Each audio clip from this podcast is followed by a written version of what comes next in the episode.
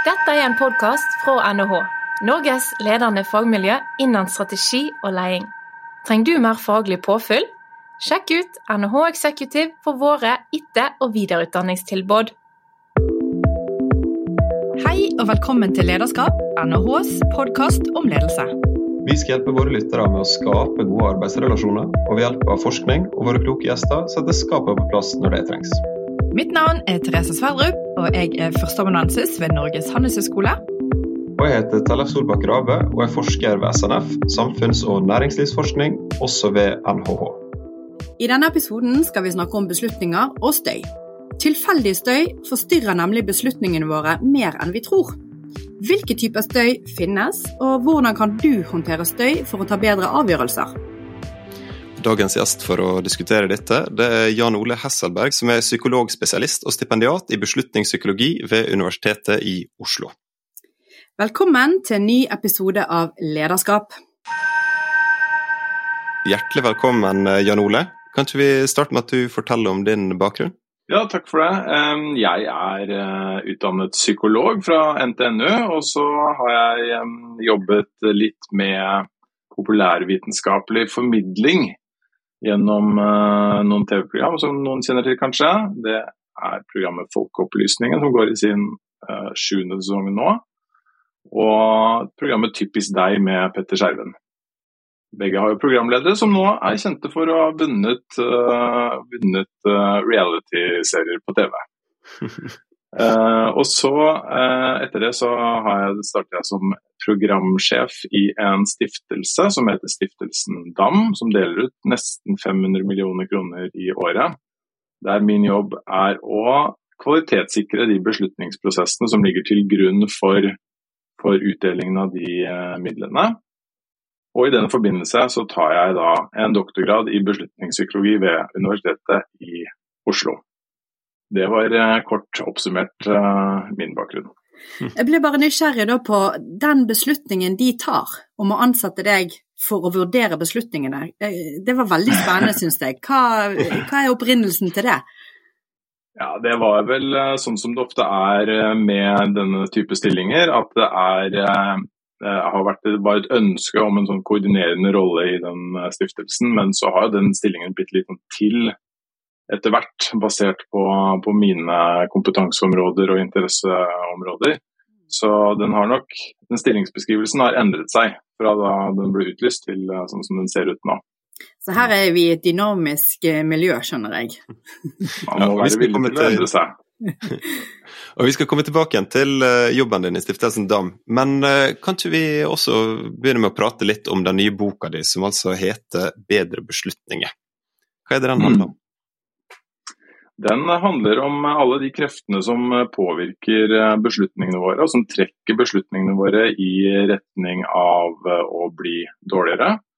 Og hva man kan gjøre for å begrense den påvirkningen.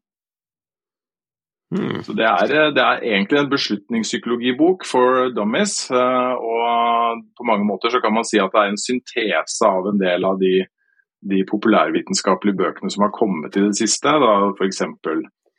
Eh, bøkene til Daniel Kahneman som heter 'Tenke fort og langsomt' og 'Støy', men også en bok av en som heter Philip Tetlock som heter 'Super Forecasting'. En del eh, viktige bøker som jeg har syntes det hadde vært fint å ha på norsk, og i et litt, litt mer kortfattet format. Fordi det er vel ikke til å legge skjul på at det er ganske mange som har startet på de Kahneman-bøkene, men som ikke har kommet helt i mål med dem. men et nøkkelbegrep i denne siste boka til bl.a. Kahneman og, og Cass Sunstein er jo nettopp støy. Så da må jeg spørre deg, hvordan vil du definere støy? Ja, det er, det er, et godt spørsmål. og Jeg tror det kan være lurt å bruke et eksempel for å beskrive det. Litt fordi at støy er egentlig et sånn statistisk fenomen som, som, man ikke bare kan peke på i en, en bestemt beslutningssituasjon.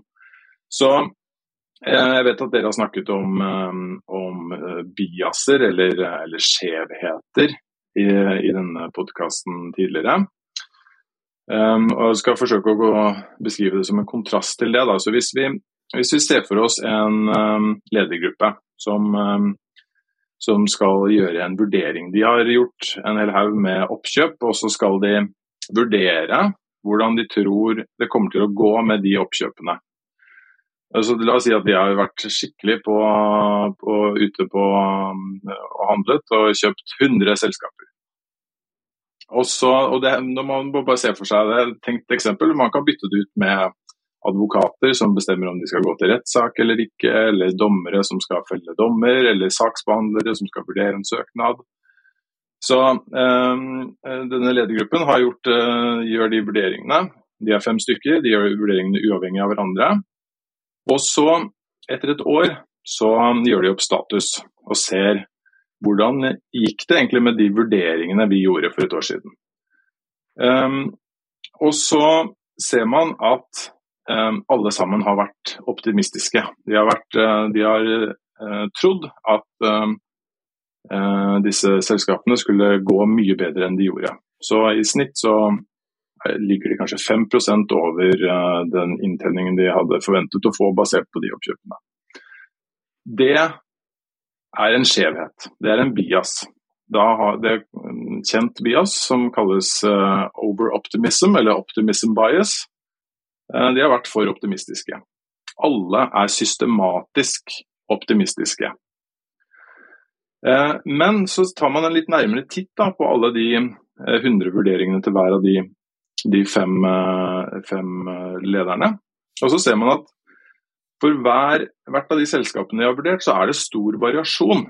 Så for selskap nummer én så er det Alle har vært litt for optimistiske, men noen har vært veldig optimistiske, andre har vært ganske lite optimistiske. Så det er stort sprik innad i hvert selskap på hvordan de lederne har vurdert det selskapet.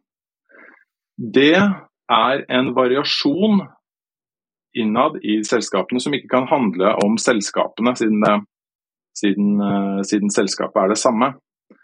Det er en uønsket variasjon, og det er, eh, det er det vi kaller støy. Så når du liksom summerer opp det på tvers av alle de 100 vurderingene, så kan du, kan du beregne hvor mye den støyen skapes av det som vurderes, hvem som vurderer det, eh, om det er karakteristika ved det som vurderes som også er avgjørende. Så, så støy er kort fortalt den uønskede variasjonen i vurderingene våre, mens, mens bias er systematisk variasjon. Mm.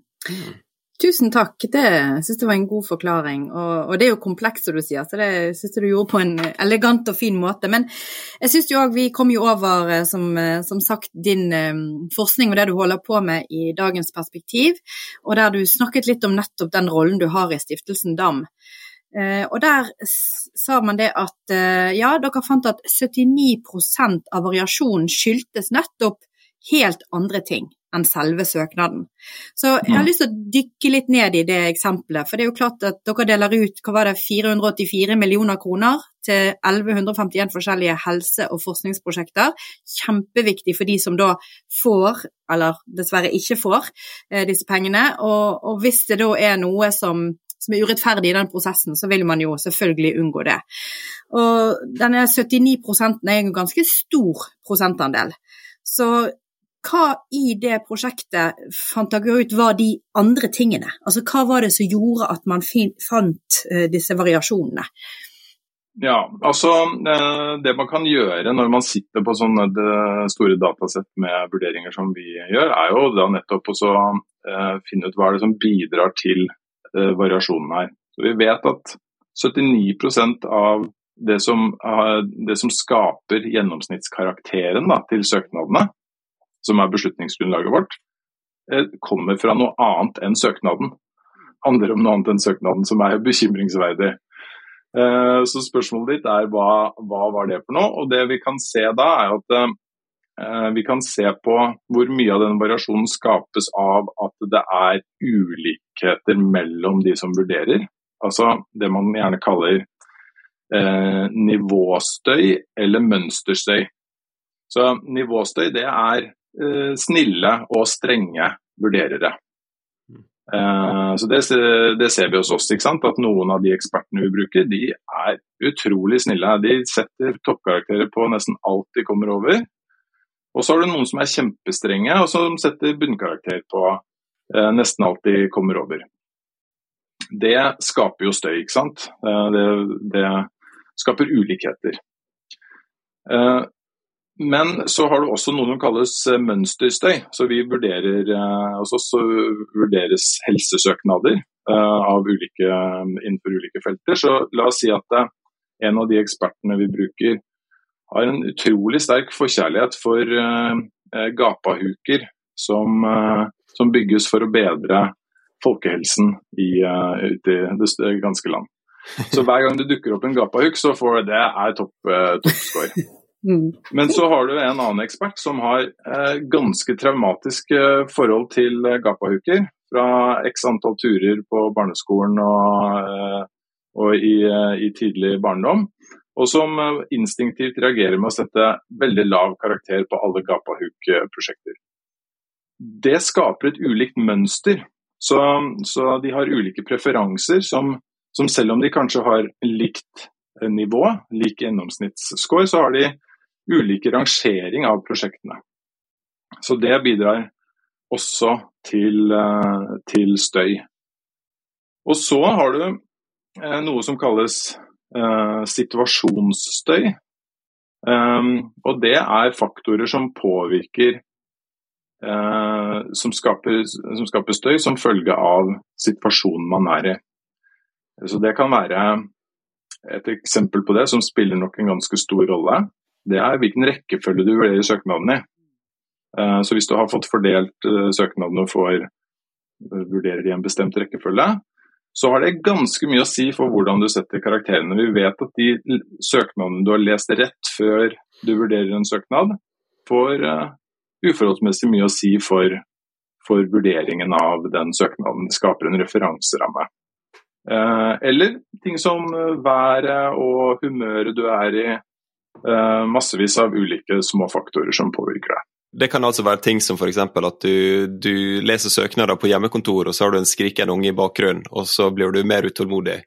Men hvordan kan dere fange opp og måle eh, disse tingene her, når dere tallfester 79% av variasjonen skylder støy? Eh, hvordan eh, samler dere opp det?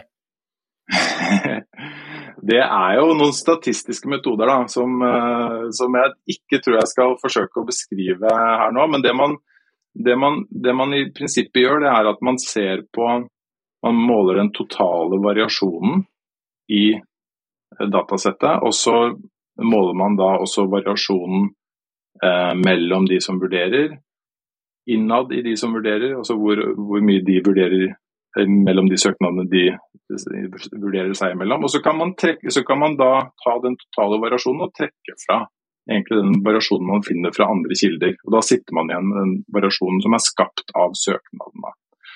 Så Det er litt, eh, litt uh, teknisk, og det er ikke alt det er lett å, å, finne ut av. Sånn som hva egentlig situasjonen skaper, er ikke kjempelett å finne ut av. Det har ikke vi gode tall på heller. Men vi, vi, vi, vi kan se sånne ting som at det er ulike nivåer på Eh, eh, de som vurderer søknadene våre. Og, og, at de også har ulike mønster da, i preferanser av hva de foretrekker. Ja, er det da noe, f.eks. dette med situasjonsstøy, er det da noe å lene seg på annen forskning? Eh, jeg vet jo dette er sikkert gjort en del amerikanske studier på. Er det der man kan legge inn noe marginer i forhold til hva man har funnet fra andre eh, settinger? Ja, ikke sant. Så det er jo nettopp det, er nettopp det at Eh, dette er jo forskning som er gjort i en god del eh, sammenhenger. Eh, så f.eks. det med rekkefølge på, på, hvordan man vurderer ting, det vet vi fra andre studier. Mm. Så det, vi kan bare anta at det gjelder oss også. Det kan man egentlig anta i enhver situasjon hvor man vurderer ting sekvensielt da, etter hverandre. Så kan man anta at man må forholde seg til at det skapes støy av hvilken rekkefølge man gjør det i. Så et enkelt tiltak for å bare håndtere den støyen, er jo bare å bestemme en fast rekkefølge som alle som gjør den vurderingen skal, skal følge.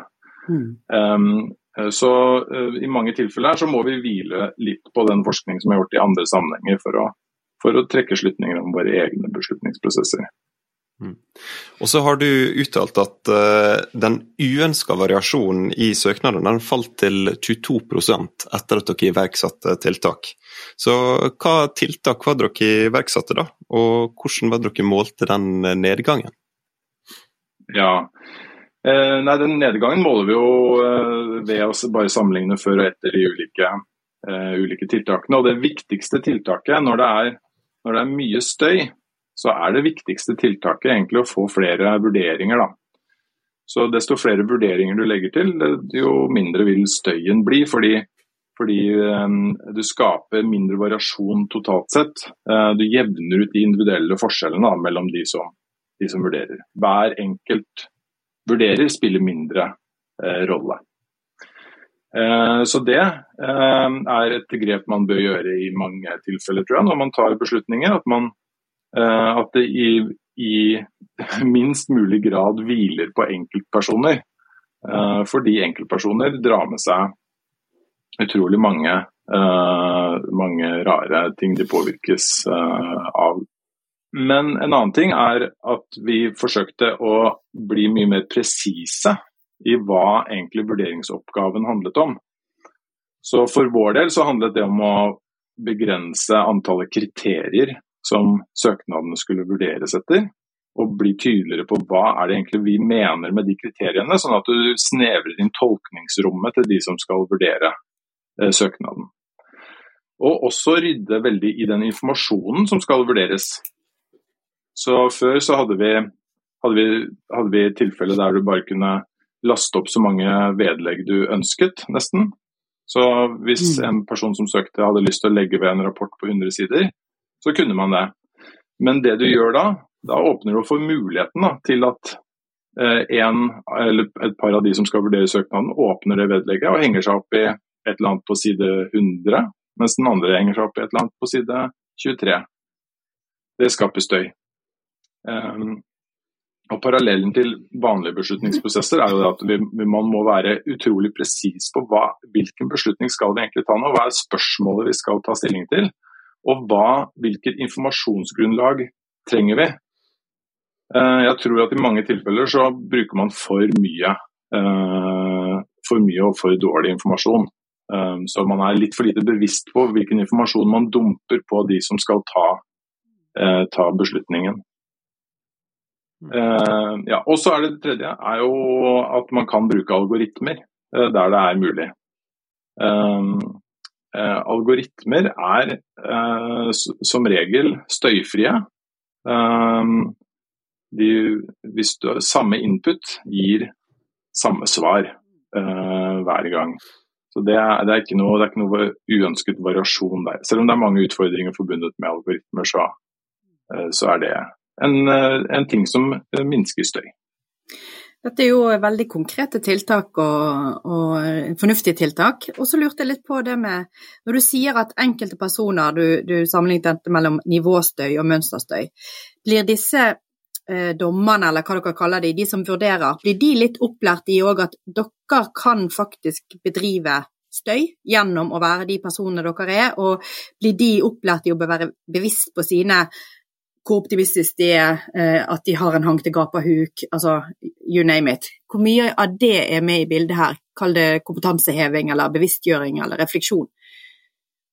Det er også en sentral eh, del av dette. så En av de tingene som, av de forskningsprosjektene som inngår i ph.d.-en min også, er opplæring av, eh, av de som vurderer søknadene, de ekspertene.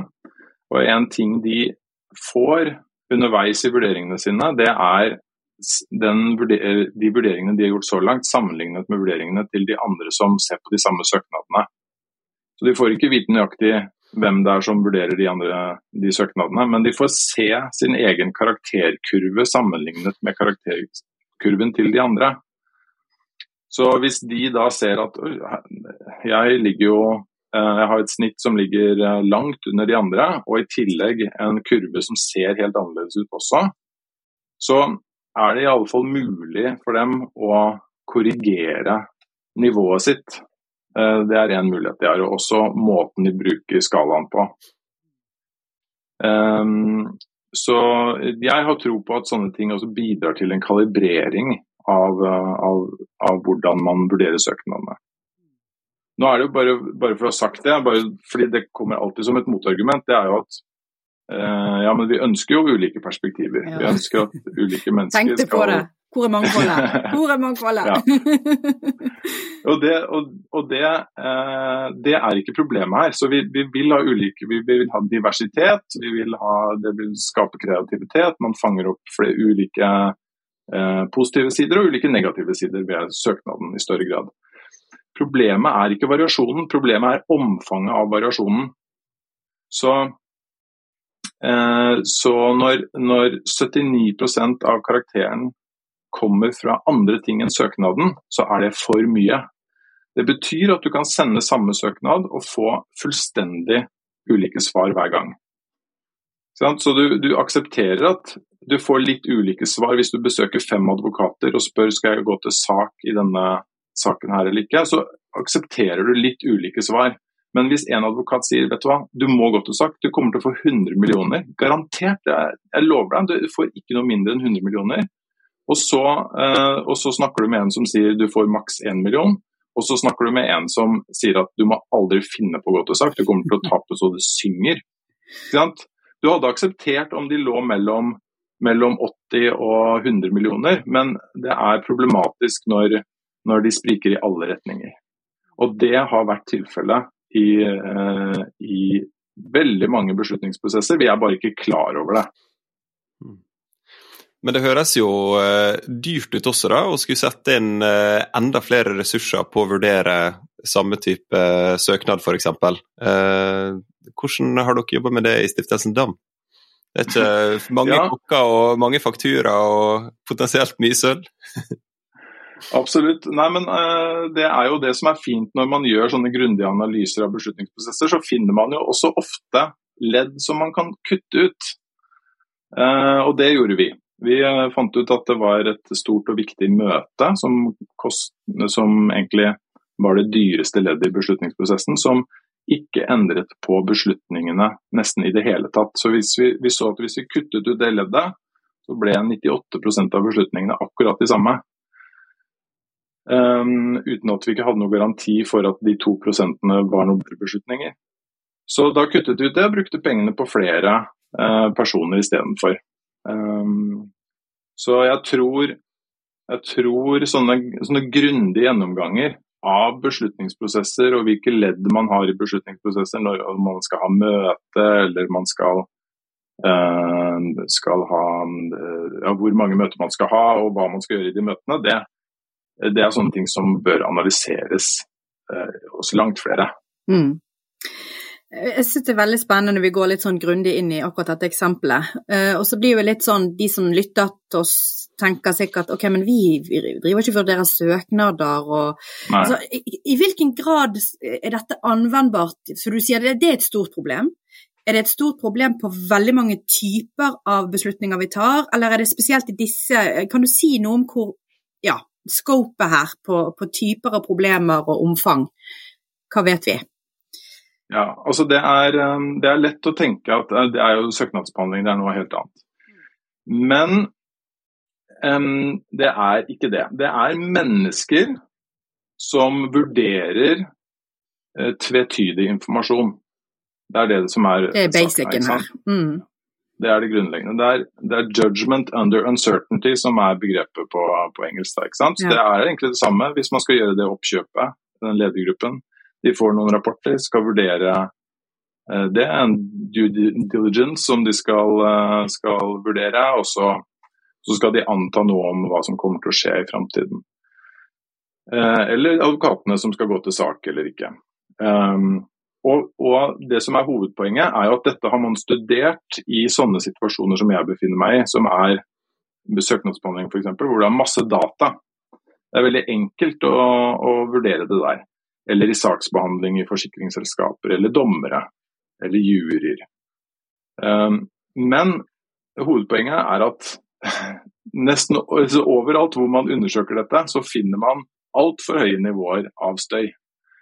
Så selv om det ikke er så lett å måle det i de beslutningene du tar i hverdagen din, så er det ingen grunn til å tro at eh, det skal være noe bedre.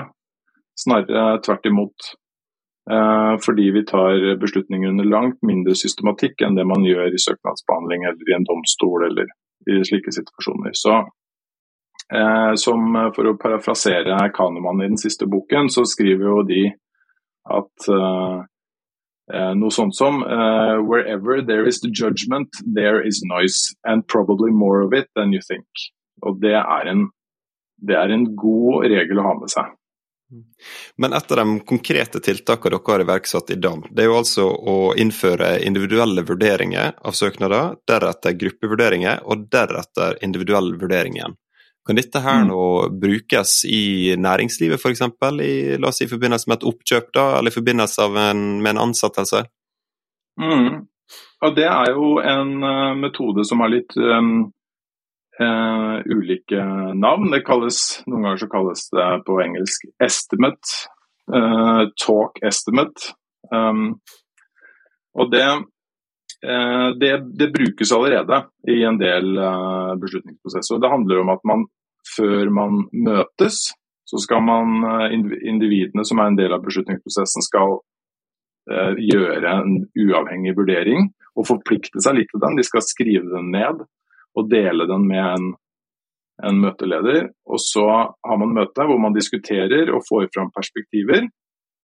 Det er det samme vi gjør i vår søknadsbehandling. Da diskuterer man søknadene, og ingen får lov til å si hvilken karakter de har satt på søknadene, eh, for å unngå at man forankrer eh, vurderingene til andre, eller, eller, skaper en forventning om at det er der søknaden skal Eh, ligge karaktermessig. Man skal bare presentere argumenter, og så skal, høre, så skal, man høre, på argumentene til de andre og vurdere om man er villig til å justere sin egen karakter basert på de argumentene man har hørt.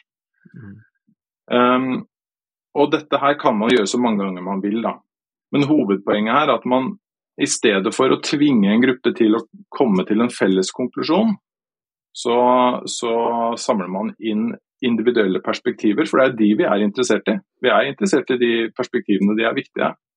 Og så å, ta vare på dem og forsøker å, å, dele informasjon på en strukturert og god måte.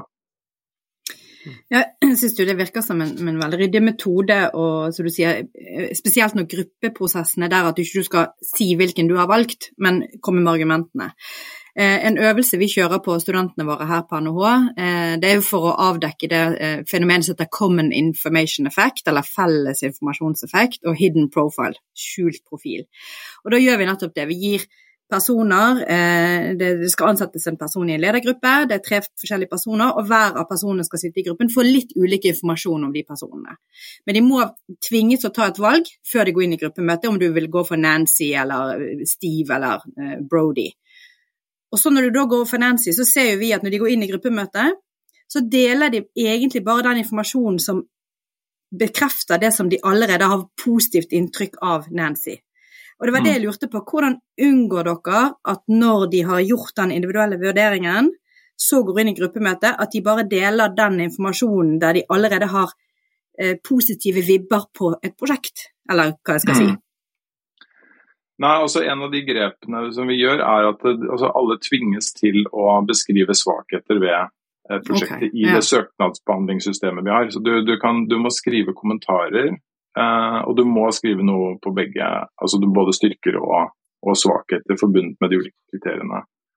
Um, og, så, uh, gjør vi ikke i møtet så gjør vi ikke så veldig mye mer enn at vi også tvinger dem til, til det, men også da har før hver gruppesamling så har vi en sånn liten økt hvor vi snakker om nettopp sånne gruppe, uheldige gruppeprosesser. Og oppfordrer dem til å dele nettopp den udelte informasjonen. Så, så, men det er, en, det er en utfordring, det. Det er utrolig komplisert med sånne gruppeprosesser. Og det er nok inntrykket mitt at det undervurderes ganske kraftig av, av, ledere. Noen ganger med vilje, fordi det er jo litt slitsomt å hele tida ta hensyn til, til, alle de individuelle innspillene. Ikke sant. Ja. Jeg, er medlem av ei forskningsgruppe på Universitetet i Bergen, der vi bl.a. gir tilbakemelding på artikkelutkast og sånt. Og Der har vi et system der tilbakemeldingen skal gis i omvendt akademisk alder. Med andre ord så er det de eh, yngste ja. og minst erfarne som skal gi tilbakemelding først, og deretter de engasjerte professorene. Høres det ut som en måte å unngå støy på, eller at i hvert fall sikre at folk tør å si det de mener? Det øh, er jo ikke nødvendigvis sånn at disse tingene her begrenser øh, støy. Um, så det kan, det kan, noen ganger være at det forsterker støy, fordi du bare du får fram de individuelle meningene på en mye bedre måte. Så egentlig en god måte å, å begrense støy på er å si alle sammen skal avsi sin dom i denne saken. Men uh, først vil jeg som leder si at jeg syns det er helt åpenbart at vi bør gå for denne beslutningen. Nå kan alle sammen si hva de uh, vil. Da får du lite støy, da får du lite variasjon. men, men hvis man ønsker å få ha gode beslutningsprosesser, så er det du beskriver, tror jeg, en veldig, veldig god idé. Mm. Um, og vi, Det vi begynte med hos oss, er jo at vi byttet på vi har sånn fast at vi bytter på rekkefølge hvem som starter. For de sitter i de møtene og behandler en del søknader, så, så det er aldri samme person som starter. Mm. Vi, har, vi administrasjonen bestemmer rekkefølgen. Mm. Uh, fordi det vi så, det er jo at det er, en, er noen veldig sterke personligheter. Selv blant, med, blant, en gruppe med professorer så er det jo variasjon i hvor mye plass, uh, plass man tar. Uh, og da får man altfor mye å si, hvis man alltid kaster seg på uh, først ute. Jeg får også lyst til å spørre om, for det, tilbake litt til det Stiftelsen Dam og det dere har gjort der. Det et, virker som et enormt grundig arbeid. Sant? Det at vi har gjort analyser, vi har satt inn tiltak. Og så lurer jeg på om lytterne våre tenker sånn å herlighet, vi har jo ikke kapasitet til å liksom ta de grundige analysene. Liksom, hvor lang tid tok dette? Eh, å finne ut av skjevhetene og, og, og, støyen i dette.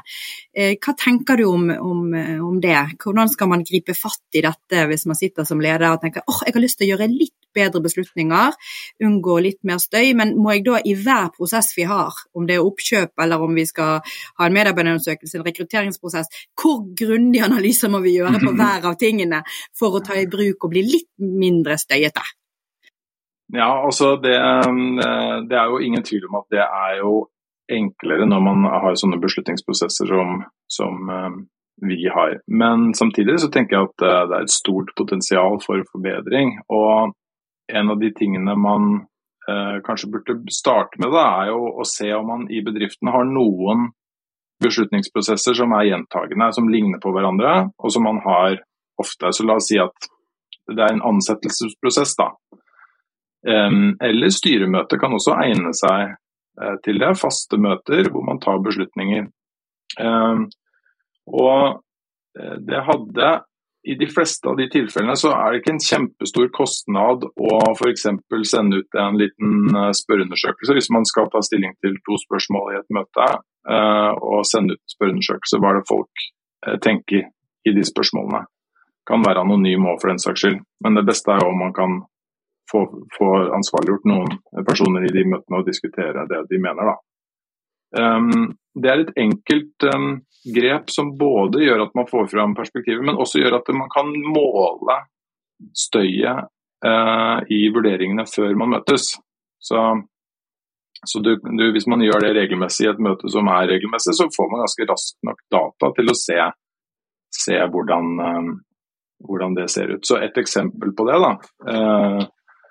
Uh, jeg har jobbet med en, flere ulike advokatfirma. og det, det, man kan gjøre der, er sant, Man har ulike advokater som vurderer om det er nyttig å gå til en sak eller ikke. Så kan man spørre de da før et møte. Hva tror du man får om man takker nei til forlikstilbudet i denne saken? Uh, den vurderingen man skal gjøre, de gjør regelmessig. Og Etter hvert så vil du få ganske store data da, på, på i de sakene man går til sak, om man treffer godt og om uh, hvor mye støy det er i de vurderingene. Så jeg tror man må, eh, man må man, Hvis man tenker at det kan ikke vi gjøre, det er feil sted å starte. Da bør du vite hvorfor det ikke lar seg gjøre. Og du bør ha undersøkt det litt, fordi det, det er ikke så vanskelig å måle sånne ting eh, hvis man har, er litt eh, kreativ og har litt kompetanse på det. Hmm. Men du har også sagt i et intervju en gang at uh, noen ganger så kan det være fornuftig å ofre beslutningskvalitet på samarbeidets alter. Bra sitat, men utdyp. Hva mener du med det?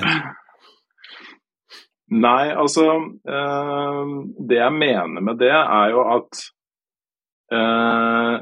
det eh, Ikke alltid, men ofte så har det jo en kostnad eh, å, å ha en ordentlig grundig beslutningsprosess.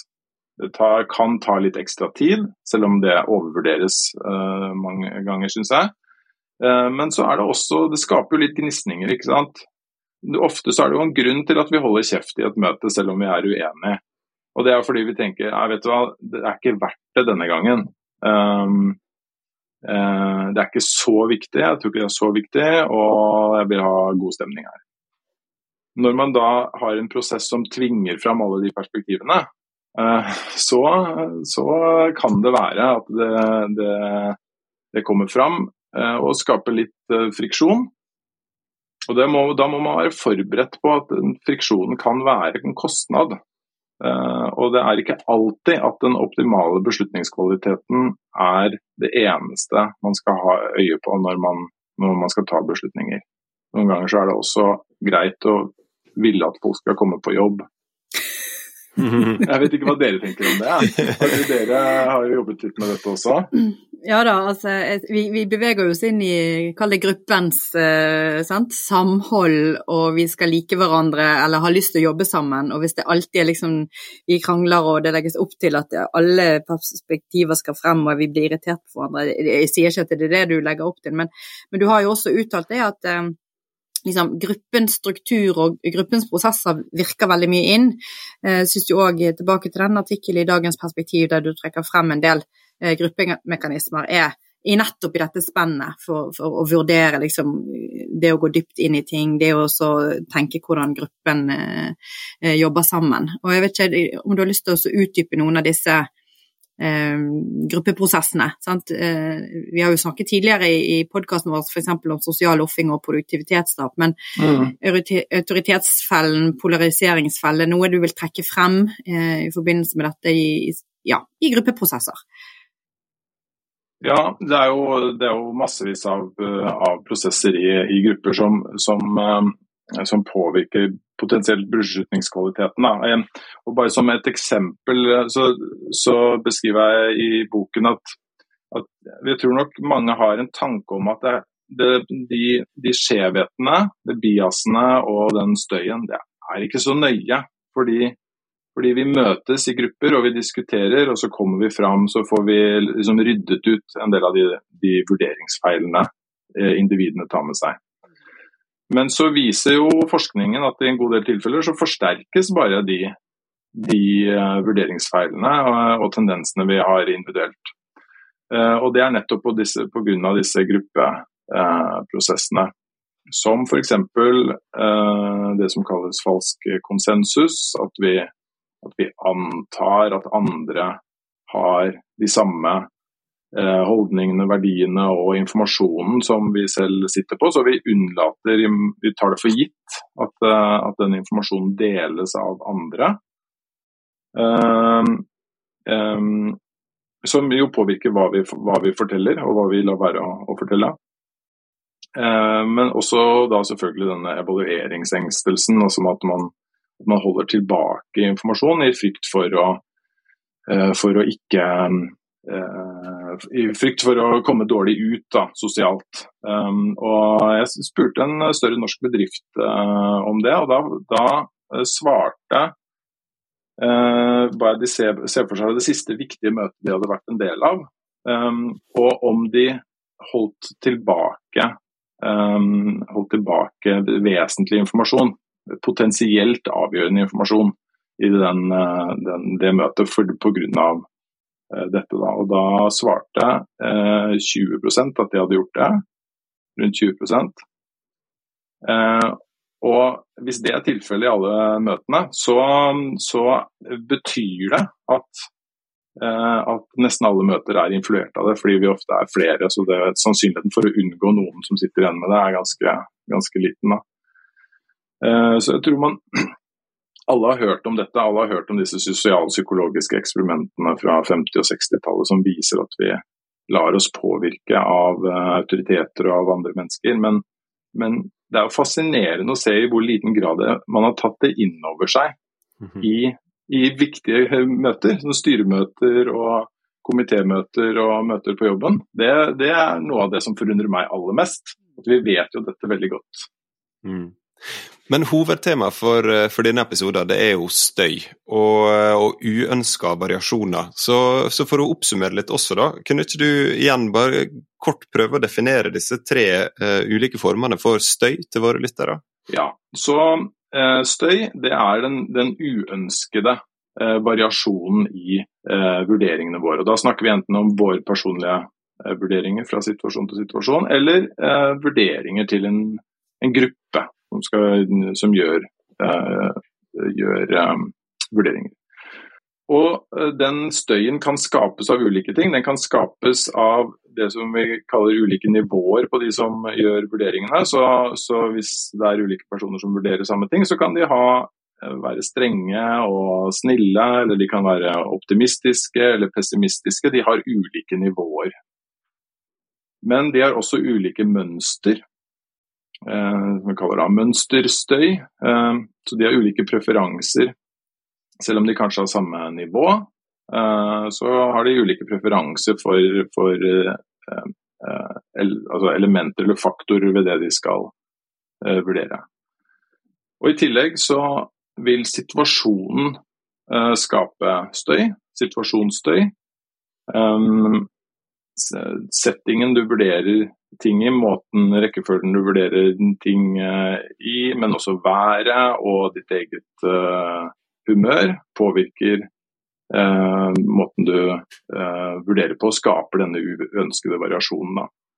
Dette er litt forskjellige ting som skaper denne uønskede variasjonen, og som vi bør få bukt med. Mm. Det var en veldig fin oppsummering. Jeg er jo fristende til å spørre, da, siden jeg har nå tatt en doktorgrad sjøl, hva skal du nå ta en doktorgrad i? Da går vi ofte veldig smalt til verks. Så nå er jeg spent på, skal du ned og finne ut mønsterstøy, eller hva, hva snakker vi om her? Nei, altså jeg skal, jeg skal ha eh, Kanskje hoveddelen av prosjektet er et kjempestort datasett med vurderinger fra Norges forskningsråd og oh, ja. våre egne vurderinger for å se på hva er det, hvorfor er de så uenige, de som uh, vurderer søknadene. Handler det om, uh, handler det om kjønnet på den som uh, søker? Handler det om hvor søknaden kommer fra, eller tema, eller hva slags type Eller er det summene, altså størrelsen på prosjektet? Er det, skaper det uenighet? Så det er egentlig å lete etter hva, hva er det som skaper denne støyen. da. I tillegg til hva man kan gjøre med det. Hjelper det å gi opplæring til de som, eh, som skal vurdere søknadene, eller uh, ikke. Så Det er kjerneproblemstillingene i, uh, i doktorgraden. Og jeg mener jo da selv om dette handler om eh, søknadsbehandling, så mener jeg at dette har stor overføringsverdi til, eh, til mange vurderingssituasjoner. Eh, er det et fantastisk oppspark til, til siste spørsmål her, da? Altså, har du tre konkrete tips til hvordan ledere kan ta bedre beslutninger? Ja, og jeg har, jeg har flere, flere også. Nei da. Jeg vil jo si at um, det første man bør gjøre, er å vurdere om man kan eh, måle beslutningene sine. Eh, I hvert fall et utvalg av de kjernebeslutningene. Som regel så kan man det, og det er ikke så vanskelig heller. Så du bør ha gode grunner hvis du ikke skal eh, gjøre det. Og så øh, vil jeg jo si at øh, man bør ha gode gruppeprosesser. At man ikke bør ta for gitt at man bare kan møtes og sette seg ned og og, å, snakke, og at det skal komme en god beslutning ut av det. Det må man gjøre på en strukturert måte. Og så bør man eh, evaluere beslutningene sine litt mer systematisk. Så um, det, det vil jeg si eh, er de tre tipsene. Og i tillegg da, så uh, vil jeg jo si at dere har snakket om biaser og skjevheter sånn tidligere. At det er jo veldig viktige ting som man bør være oppmerksom på. Men det er, nå har man snakket mye om det, så jeg tror kanskje tiden er inne for at man også har litt fokus på dette med støy, som nok skaper mer uønsket variasjon enn disse, disse biasene. Ja, Vi er helt enige. Jeg syns det er veldig gode tips du har, eh, Jan Ole. Og det er noe med å, å, få frem det at ok, her er det noe vi, vi, ikke har lært noe om, og derfor vi hadde veldig lyst til å ha deg med i Lederskap-podkasten. Og for de av lytterne våre som eh, tenkte på tips nummer to, bedre gruppeprosesser, har lyst til å gå i dybden på det, så har vi noen episoder etter hvert der vi har snakket mye om teamarbeid og hva er det i det typiske prosessfellene man kan gå i. Så, så tusen takk. Veldig interessant å ha deg med, og utrolig masse lykke til med doktorgraden. Det blir sikkert utrolig spennende, så vi kan følge med deg. Det trenger jeg. Tusen takk for det. Tusen takk skal du ha. Du har nå hørt på Lederskap, NHHs podkast om ledelse. Mitt navn er Therese Sverdrup. Og jeg heter Tellef Rabe. Kom gjerne med tilbakemeldinger eller innspill til tema. Du finner kontaktinformasjonen vår på NHH sin hjemmeside, eller så kan du skrive til oss direkte på Twitter og LinkedIn. Og om du likte det du hørte, så blir vi veldig glad om du vil abonnere eller dele episoden med dine kollegaer. Vi høres! Dette er en podkast fra NHH, Norges ledende fagmiljø innen strategi og leding. Trenger du mer faglig påfyll? Sjekk ut NHH Executive for våre etter- og videreutdanningstilbud.